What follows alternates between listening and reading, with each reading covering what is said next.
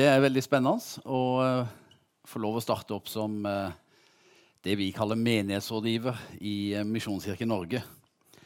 Nå skal jeg ikke gå veldig inn på hva det innebærer, innebærer for da bruker vi opp tida på det. Men det er altså en, en stilling sentralt i Misjonskirken Norge med, der jeg bl.a. får gleden av å forholde meg til ganske mange av våre kirker rundt forbi i landet vårt. Og det er veldig, veldig, veldig spennende.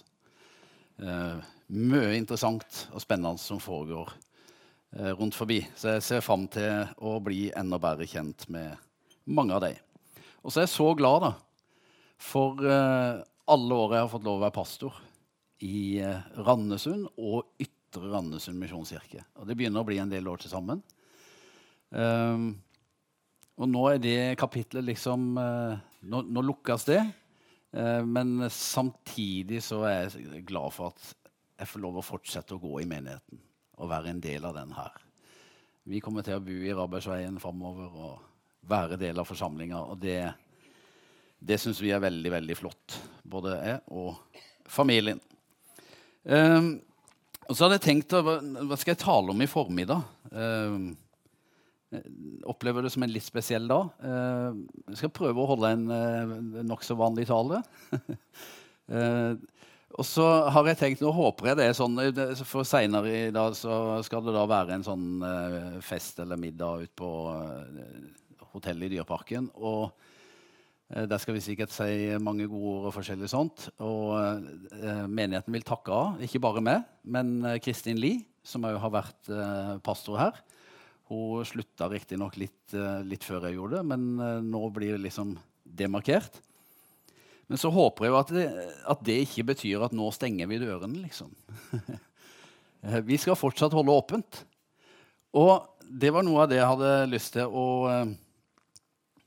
å snakke om i formiddag. Om å åpne opp. Men det skal vi komme tilbake til etter at jeg har lest bibelteksten. Og Den leser vi fra Apostlenes gjerninger, kapittel 2 og vers eh, 36 og utover. Og det er apostelen Peter som på pinsedag stiller seg opp eh, i Jerusalem og taler til en stor folkemengde. Og helt til slutt i den talen, etter at han har eh, stått der og vitna om Jesus og det Jesus gjorde, så sier han til hele den forsamlinga at så skal hele Israels folk vite for visst denne Jesus som dere korsfestet, Ham har Gud gjort til både Herre og Messias. Da de hørte dette, stakk det dem i hjertet, og de sa til Peter og de andre apostlene, Hva skal vi gjøre, brødre? Peter svarte dem, Vend om og la dere døpe i Jesu Kristi navn, hver og en av dere, så dere kan få tilgivelse for syndene, og dere skal få Den hellige ånds gave. For løftet gjelder dere og barna deres og alle som er langt borte, så mange som Herren vår Gud kaller på. Også med mange andre ord vitnet han for dem, og han formante dem. La dere frelse fra denne vrangsnudde slekten. De som tok imot budskapet hans, ble døpt, og den dagen ble det lagt til omkring 3000 mennesker. De holdt seg trofast til apostlenes lære og fellesskapet, til brødsbrytelsen og bønnene. Hver og en ble grepet av ærefrykt, og mange under og tegn ble gjort av apostlene. Alle de troende holdt sammen og hadde alt felles. De solgte eiendommene sine og det de ellers eide, og delte ut til alle ettersom hver enkelt trengte det. Hver dag holdt de trofast sammen på tempelplassen, og i hjemmene brøt de brødet og spiste sammen med oppriktig og hjertelig glede. De sang og lovpriste Gud og var godt likt av hele folket, og hver dag la Herren til nye som lot seg frelse. Og jeg har uh, lyst til ut ifra den teksten her å se på uh, fire kjennetegn da, ved den første menigheten. Og ut fra de fire kjennetegna gi fire utfordringer til oss som fellesskap. Uh, og så håper jeg, da, akkurat som med Peters tale her på pinsedag, at når jeg forkynner, så blir det ikke bare ei fortelling om eh, noe som har skjedd, men det skjer noe som følge av det. Altså Peter han vitna jo om alt det Jesus hadde gjort, og fortalte om det. Men det ble noe mer enn bare en fortelling. For det skjedde noe som følge av det han fortalte, og det han snakka om. Um, og jeg tenker på Det at um, det er superviktig når vi kommer sammen som kirke og til, til gudstjenester i dette fellesskapet her, at, uh, at ikke kirka blir som et museum der vi bare forteller gamle historier. Eller at våre gudstjenester blir som et møte i historielaget, liksom. Du får meg unnskyldt, Trygve, men uh, Jeg vet ikke om han er her, men, uh, men, men det skal være noe mer enn det. Så dette når vi kommer sammen i Jesu navn, så er dette Guds hus. Dette er den, en levende forsamling der Gud med sin ånd er nærværende, og han ønsker å skape noe nytt. Og Det så vi at skjedde på pinsedagen. Altså, det er ikke bare et sted der vi vitner om han som døde og sto opp igjen, men det er et sted der den som er død i sine synder og misgjerninger, nett nettopp kan oppleve å stå opp til et nytt liv. Og det var det som skjedde som følge av Peters tale på pinsedagen. Men så Den første utfordringen da, til å åpne opp, det handler enkelt og greit om å åpne opp hjertene våre. Den første menigheten den besto av de som hadde åpna hjertet sitt for budskapet som Peter forkynte. Det står at det, det stakk deg i hjertet. Det var noe som traff deg i deg sitt indre. Noe som skapte en overbevisning, og som gjorde at de tok imot Jesus.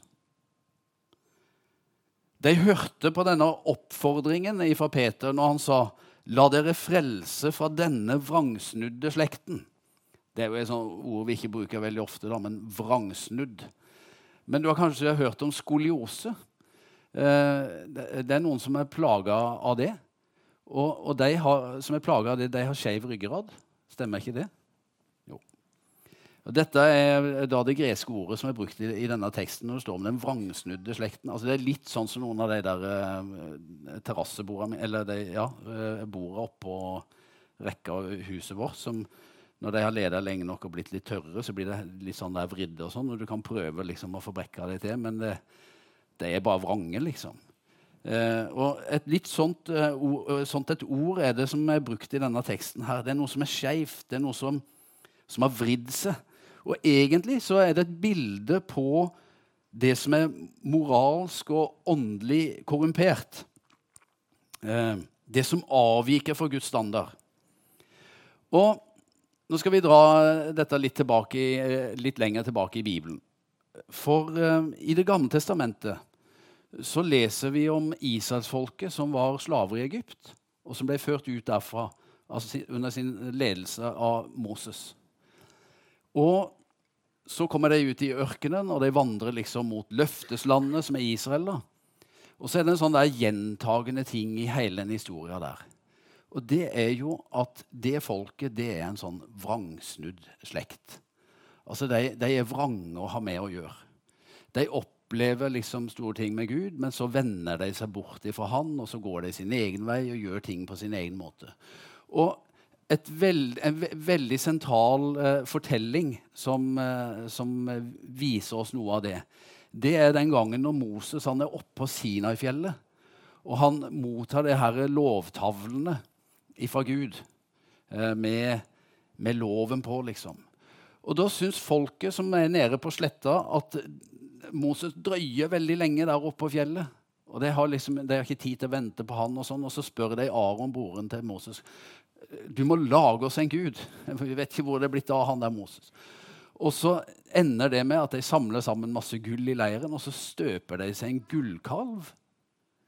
En avgud som de da begynner å danse rundt eh, og tilbe. og og kalle for, for sin Gud. Da.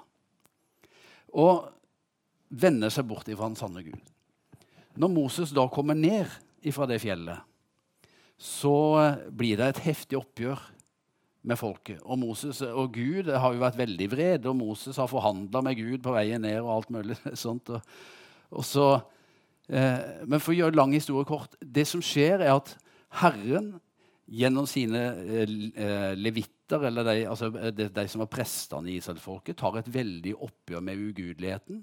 Og som følge av det så er det 3000 menn som omkommer den dagen.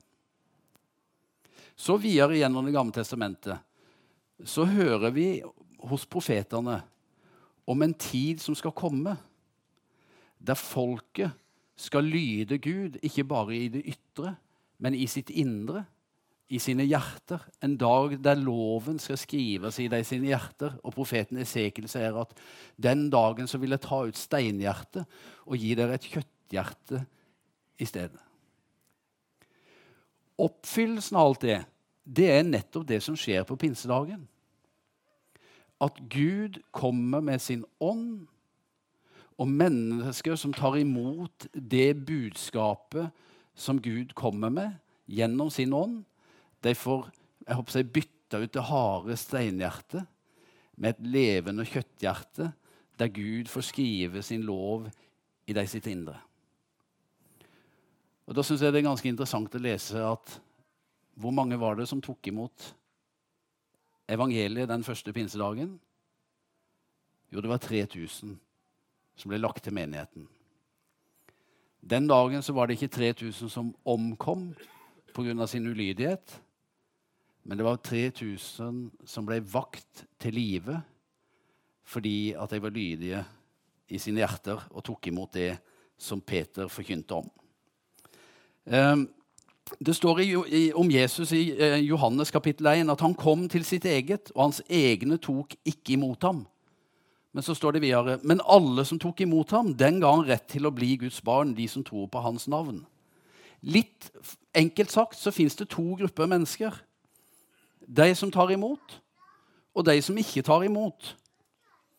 De som stenger sine hjerter, og de som åpner opp. Og det gode spørsmålet hele veien er liksom ja, hvilken gruppe tilhører jeg, da? Det er den siste gruppa som gis rett til å kalles Guds barn, ifølge Skriften. De som tok imot ham. Altså, det er en bønn i mitt hjerte og et håp for denne menigheten. At vi må være et folk med åpne hjerter. Som ikke har gjort hjertene våre harde, men som er åpne og mottagelige for det Gud vil gi.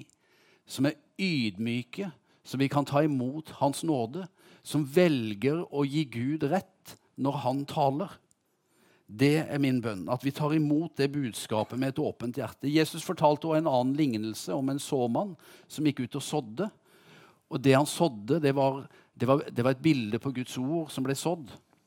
Og Hele poenget med den, den fortellinga med, med eh, lignelsen med såmannen, det er at det såkornet som blir sådd ut, det må få lov å falle i god jord. Noe falt på veien, noe falt i steingrunn, noe falt blant tornebusker. Men noe falt i god jord. Og der vokste ordet, og det ga frukt. Jeg vet ikke hvor jordsmonnet er i ditt hjerte. Jeg kan bare granske mitt eget hjerte. Jeg tenker Veksten kan jeg ikke gjøre så mye med. Det må Gud skape. Det nye livet som han har å gi, det må, det må han gi. Men det jeg kan gjøre noe med, det er å pleie jordsmonnet. Det er å sørge for at hjertet mitt åpner seg og er mottagelig og vil motta det han har å gi. Det var det første punktet mitt. Og jeg mener at Den første kristne menigheten det besto nettopp av mennesker som hadde gjort det. Åpna sine hjerter for det Gud ville gi. Den andre tingen, da, andre utfordringen, det handler om å åpne biblene våre.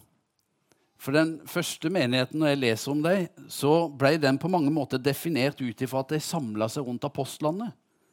Altså, De hadde ikke noe kirkebygg. Og de hadde ikke engang Bibelen slik som vi har den i dag. De hadde apostlene og de sitt vitnesbyrd om hvem Jesus Kristus var.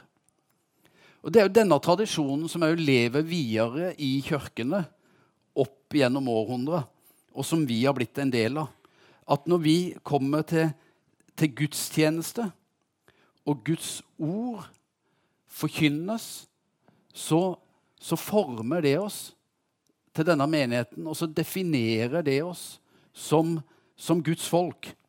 Eh, Akkurat som de første kristne samla seg rundt det apostoliske vitnesbyrdet, så gjør vi altså det samme når vi kommer til gudstjeneste og Guds ord forkynnes. Så står det imidlertid om de første kristne at de holdt eh, trofast sammen eh, på tempelplassen, og det står at de gjorde det hver dag. Eh, så ofte har ikke vi møter i Ytre Ansum misjonskirke. Vi har faktisk gudstjeneste bare annenhver søndag foreløpig. Så får vi se åssen det blir etter hvert. Men eh, det går likevel an å oppmuntre hverandre til å holde fast ved apostlenes lære daglig. Ved at vi plukker fram den Bibelen som nå er gitt oss, som er nettopp samlingen av apostlenes vitnesbyrd om hvem Jesus Kristus var. Og at vi sørger for å ha den åpen. At det, den skulle få lov å definere oss, forme oss, prege oss og danne oss. Og jeg er litt redd for at i mange kristne forsamlinger så skjer ikke det i tilstrekkelig grad. La oss ha en åpen bibel. Ikke en bortgjemt bibel, en nedstøva bibel, en som er glemt, men en som ligger åpen, enten på nattbordet, eller ved kjøkkenbordet, eller på kontoret, eller i veska di. Eller du har den oppå telefonen din. Men at den er åpen. At den er tilgjengelig for deg, og at du er tilgjengelig for den. For jeg tror det at et såkalt kristenliv, da, løsrevet ifra Bibelen, det ender med det jeg vil kalle folkereligiøsitet. Altså, Da blir det tanker om Gud som vi henter fra diverse ulike kilder, bevisst eller ubevisst, og så koker vi det sammen til en eller annen salig suppe. Um, nå skal ikke jeg påberope meg og uh, si at jeg, jeg, har forstått alt som står i Bibelen, og jeg har forstått den rett. Det er ikke det jeg sier. Men om ikke den er utgangspunktet, om ikke den får definere, så er vi på ville veier, folkens. Da er vi ikke lenger en kristen kirke. Hvis det er noe annet som definerer oss. Der vil jeg være veldig tydelig. Um, Bibelen, denne her, boka, det er Guds historie. Det er fortellinga om Gud, og det er fortellinga om Guds folk. Guds folks historie. Og det er det vi som kristne oss til å bli en del av. Av Guds historie. Av hans folks historie. Og vi er helt avhengig av denne boka nettopp for å se det store bildet. Så la oss ha en åpen bibel, folkens. Det er en sterk eh, oppfordring fra min side. Og så den tredje, da. Um, den den syns vi kanskje fort er, er enda litt sånn mer krevende å forholde seg til. Men OK, la gå. Jeg, jeg tar punktet med likevel. For noe av det mest bemerkelsesverdige i teksten som vi leste, det er å se den radikale givergleden og sjenerøsiteten som fulgte i kjølvannet av, de første kristnes omvendelse. Når de tok imot evangeliet, så førte det til en radikal giverglede og sjenerøsitet. Og Det er åpenbart at det de opplevde å fordele da de kom til tro, gjorde noe med de sin holdning til det de eide. Det tredje punktet mitt det er ganske enkelt og greit. En oppfordring til å åpne lommebøkene våre. Ha et åpent hjerte, ha en åpen bibel og ha åpne lommebøker. Altså Jeg vil våge følgende påstand, og så kan du godt være uenig, da. Men i den grad vi har forstått evangeliet, i den grad vil vi òg leve et sjenerøst liv. I den grad vi har smakt og tatt imot Guds godhet, i den grad vil vi òg vise godhet mot andre. Nå sier jeg ikke at folk som ikke tror på Jesus, ikke kan være sjenerøse og ikke kan være gode mot andre. Det har jeg ikke sagt.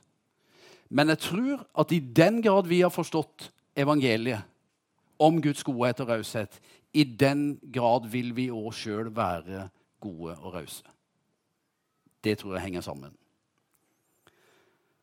Vet ikke om du har hørt om tusenlappen og tieren som møtte hverandre etter ferien. men... Eh, Tusenlappen han begynte å fortelle da, om alt det store og flotte og fine han hadde vært med på. Hadde, det var dyre ferier i utlandet og restaurantbesøk og det ene med det andre. Liksom, han hadde hatt det helt topp. altså. Så etter en stund så spør han tieren da, men, eh, men du da, hva, hva du drev med i sommer? Nei, jeg har da mest vært på kristne stevner, jeg, da, sa han. uh, Tim Keller han spør hva er det lett for deg å bruke penger på. Det sier noe om hvor hjertet ditt er. Han sier sjøl at han som pastor han har lett for å bruke penger på bøker. Hvorfor det? Jo, fordi at som pastor og det har jeg for så vidt, jo, for, fordi at som pastor så skal, så skal, du helst vite ting. Og du skal kunne si noe om noen ting. Og hvis du gjør det på en god måte, så vil folk like det du sier, og så vil du oppnå en viss anerkjennelse som, som pastor. Og Derfor er det lett for deg å investere penger i sånne, sånne type ting. Det tror jeg han har ganske rett i. Eh, for noen er det lett å bruke mye penger på klær. Andre gidder ikke å bruke penger på klær. Noen har lett for å bruke penger på sportsutstyr eller bil eller på hus, hjem og hytte osv. Atter andre har lett for å bruke pengene nettopp da på reiser, restauranter og rødvin. Og enkelte syns jo det er veldig lett å bruke penger på alt det jeg har nevnt. Så, eh, så, men hvor pengestrømmen vår går, det sier faktisk noe om hjertet vårt. Og så blir det et ganske ransakende spørsmål. da. For det er sånn, Stein, men hvor lett er det for deg å gi penger til Guds rike, da? Hvor lett er det å gi penger til Guds rike? Hvor lett er det for deg å gi penger til fattige og nødlidende? Og Det jeg er sikker på, det er at det er iallfall alltid lettere om du har erfart Guds godhet og sannheten i evangeliet. For jeg tror det henger sammen. Eh, og så kan vi spørre åssen kan det ha seg nå at den rikeste og mest velstående generasjonen av kristne gjennom hele historien bruker nesten alle pengene sine på seg sjøl, i stedet for å dele med de fattige eller gi til andre gode formål, som eksempelvis å styrke kirkas muligheter til å bety en forskjell for mennesker så tror vi egentlig da på det vi sier. Og Egentlig så spør jeg ikke her heller da djupest sett om åssen det står til med givertjenesten din og min. For det, det det først og fremst handler om, det er jo hjerteforholdet vårt. Um, det er en hjertesak. Raushet og sjenerøsitet. En hjertesak. Det henger nøye sammen med Guds nådesgjerning i ditt og mitt liv. Og Det blir et sånn veldig ransakende spørsmål. Har Jesus fått lov å forvandle hjertet mitt? Um, nå fins det jo en annen side ved dette her å åpne lommeboka, da, som vi òg godt kan legge merke til. Um, Det at du blir gladere og mer fornøyd når du er raus og sjenerøs, det har faktisk forskere funnet ut av. Her For et år siden så skrev de i eh, Medical News Today uh, om to professorer ved Fakultet for økonomifag uh, på Universitetet i Zürich, som har vært med i en større studie. da. eller De gjorde en studie av 48 personer. med sånn, De sjekka hjernen deres og alt sånt, hva som foregikk når, når de involverte seg i sjenerøse handlinger. Og så har dette kobla sammen med en rekke andre studier òg. Og et av funnene det er bl.a. dette her at alle, alle deltakerne, alle de 48 blant annet, som er med i denne studien, her, eh, de, eh, eh, de kunne, kunne, si at etter at de hadde utført eller vært villige til å utføre en sjenerøs handling, uavhengig av hvor liten den var, så anså de seg sjøl som lykkeligere etterpå.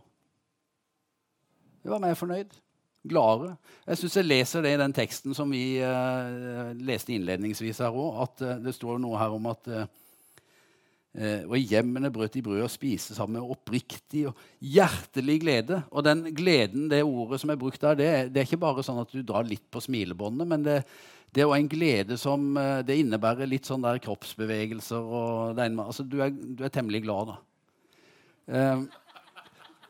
Jeg er ikke så flink på å gi uttrykk for det, der, vet du, men uh, de kjenner jo meg. Men, men raushet og sjenerøsitet, det gjør òg noe med humøret vårt. Og Jesus, det bekrefter Jesu ord. som Han sa det er saligere å gi enn å få.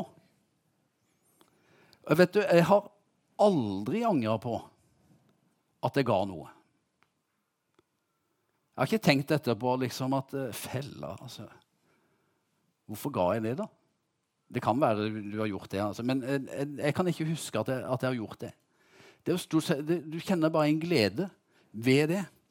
Og jeg tror at det er flere her som skal få lov å oppleve velsignelsen og friheten i en enda mer sjenerøs livsstil. Jeg tror på det. Og jeg tror at vi må utfordre hverandre i den bydelen som vi bor i, og i den generasjonen som vi er en del av, til en langt større grad av sjenerøsitet og raushet. Med tida vår og holdningene våre og alt det, men òg med pengene og eiendelene våre. Og jeg tror vi vil på alle måter få det bedre, og jeg tror andre vil få det bedre som følge av det. Ok, Nok om det punktet, men åpne lommebøkene. Det siste punktet jeg har lyst til å løfte fram, det er en utfordring om å åpne opp hjemmene våre. Eh, jeg har begynt i en ny jobb, og der kommer jeg til å reise rundt en del. Og da kjenner jeg at jeg er litt spent på åssen kommer til å bli tatt imot egentlig, rundt forbi. Det er litt spennende. Sånn tror jeg det er for folk som eh, kommer nye til ei kirke eller på en gudstjeneste. Eller inn i et område, en bydel, som flytter hit og sånn. De lurer nok på det. Åssen kommer jeg til å bli tatt imot? Mon tro om det er noen som inviterer meg inn til seg? Um, nå kan det ha en kostnad å være gjestfri. På Bibels tid så var det å ta imot fremmede egentlig ikke helt uten risiko. ser du. Uh, og det sies at uh, datidens vert han, uh, eller hun både beskytta den fremmede og sitt eget samfunn gjennom det å vise gjestfrihet. Dette har jeg tenkt på noen ganger, bl.a. når vi eh, debatterer som heftigst i innvandringsspørsmål og eh, litt forskjellig sånt. Jeg tenker i hvert fall uansett, med alle som kommer til oss Det er det beste, ikke bare for den vi tar imot, men også for oss sjøl, at vi er gjestfrie. Og sånn har det vært opp igjennom jeg håper jeg, i all tid. Verten beskytta den fremmede mot å bli et offer for tyver og røvere og alt mulig sånn. Ref. Eh, i Gammeltestamentet om Sodoma og Gomorra. Der, eh, der, der beskytta jo verten den fremmede fra å, å bli utsatt for forferdelige handlinger av, eh, av mennene i den byen. Eh, men verten beskytter også seg sjøl og sitt eget samfunn mot den fremmedes vrede. Eller, altså, det er, en, det er liksom en sånn forsikring mot at den fremmede da ikke skal finne på noe eh, seg, tull og tøys. Sånn var det. Så gjestfrihet var på, på, i dobbel forstand en slags avvæpning. Um, og det var ikke uvanlig at landsbyens ledende personer hadde det største ansvaret for å vise gjestfrihet. For det gikk på, på en måte litt opp på landsbyens sikkerhet. det her og, og sånt. De skulle sørge for beskyttelse under Norge. På samme måte så fortsetter Det nye testamentet og sier at det er et karakter, nødvendig karaktertrekk hos en leder i menigheten at han skal være gjestfri. Det var en av de tingene du måtte innfri for å bli leder. Du måtte vise gjestfrihet. For kirka er Guds familie, kirka er Guds hjem. Og Gjennom hele Nytestamentet så oppmuntres vi kristne til å være gjestfrie og til å ta ansvar og ta imot den fremmede. Um, og jeg er veldig glad for å se noe av det som skjer i vår sammenheng, med åssen folk åpner opp hjemmene sine, åpner opp livet sine, for å invitere inn nye mennesker. Annerledes mennesker. Um, nå I veka som var, så var det ei som fortalte meg, uh, som går i en uh, menighet i, i, Oslo, at uh, en ettermiddag så hadde de sittet nede i Birkelunden, noen sammen. da, noen, eh, noen kristne fra den kirka. Og så kom det en eh, mann eh, fra, som var sørpefull. Og det viste seg etter hvert at han eh, slo seg ned blant dem. Og ha, det viste seg etter hvert at han var fra Angola. Og, men var, selv om han var veldig full, så var han likevel i stand til å snakke. Da, og liksom de kunne ha en slags samtale med han. Og etter en stund så sier hun Naomi, da, som dette her var, at du vi er på vei til kirka.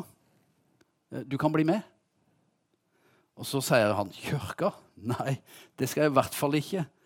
Det er ikke aktuelt i den tilstanden jeg er i.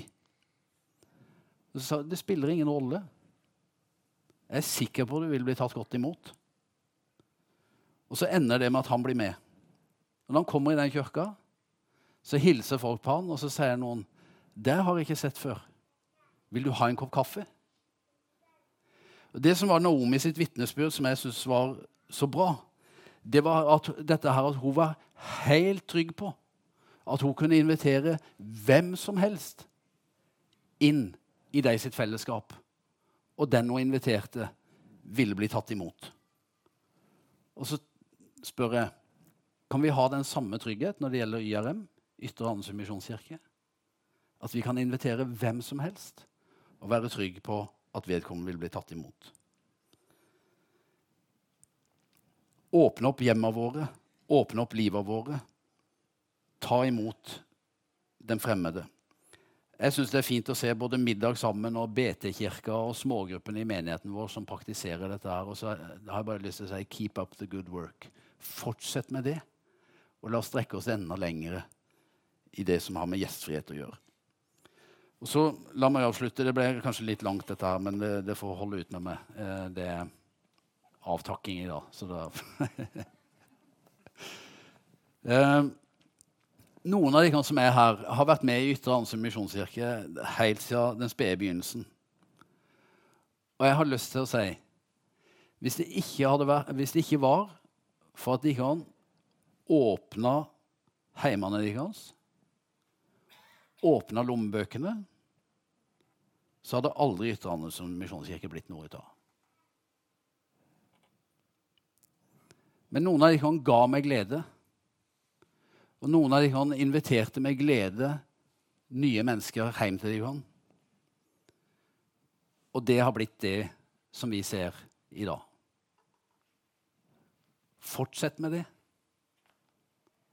Og jeg har tenkt for min del òg det vil jeg òg fortsette med. Å være en del av. Resultatet av at noen av oss kom sammen og la sammen det vi hadde, blei til så mye mer. Og så tenker jeg at i dag så er vi enda flere som kan komme sammen, legge sammen det vi har. Og, og bare tenk hva det kan bli. Tenk for et potensial. Jeg jeg har lyst til å utfordre dere på akkurat det. Slik har det vært for den første kirkas begynnelse og fram til i dag. Mennesker som har blitt grepet av Jesus, som har blitt berørt av Guds godhet og raushet. De har kommet sammen, det har lagt sammen det hver og en kunne bidra med. Og så har det ført til velsignelse for mange, mange mennesker. Og så håper jeg at du som er helt ny her, ønsker å gjøre akkurat det samme. At du smittes av den samme ånd. At du òg vil åpne ditt hjem og din lommebok. Ikke for at denne kirka skal bli berika. Det er jo ikke det det handler om men for å berike alle de som bor i vårt område, som ennå ikke har møtt Guds, Guds godhet. Det er derfor. Det er det det handler om, og det er det laget vi inviterer deg til å bli en del av. For åtte år siden var vi noen familier som ga sammen det vi hadde, og det har blitt til utrolig mye mer. Og jeg tenker Om vi på nytt og på nytt igjen legger sammen det vi har, og bruker det for Guds rikes sak, det kan bli så enormt. Så måtte Gud bare få møte oss og berøre oss igjen og igjen. For det er som eh, en av mine favorittforfattere sier, Brennan Manning, at det er en kjærlig Gud som fostrer et kjærlig folk. Det er en raus og sjenerøs Gud som fostrer et raust og sjenerøst folk. Det er den Gud som har åpna opp sine dører på vidt gap for oss, som gjør at vi velger å åpne våre dører for andre. Det er han som har åpna sitt hjerte for oss, som gjør at vi òg kan åpne våre hjerter. Ikke bare for han å ta imot det han har å gi, men vi kan òg åpne de ut mot denne verden og gi av den kjærlighet som vi så rikt har fått del i. Da vil jeg be til slutt. Herre,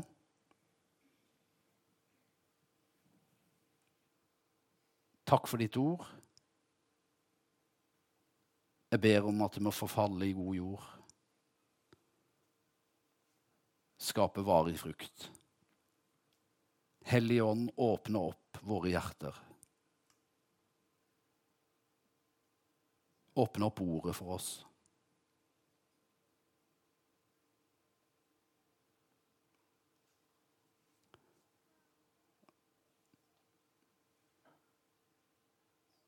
Kjære Jesus.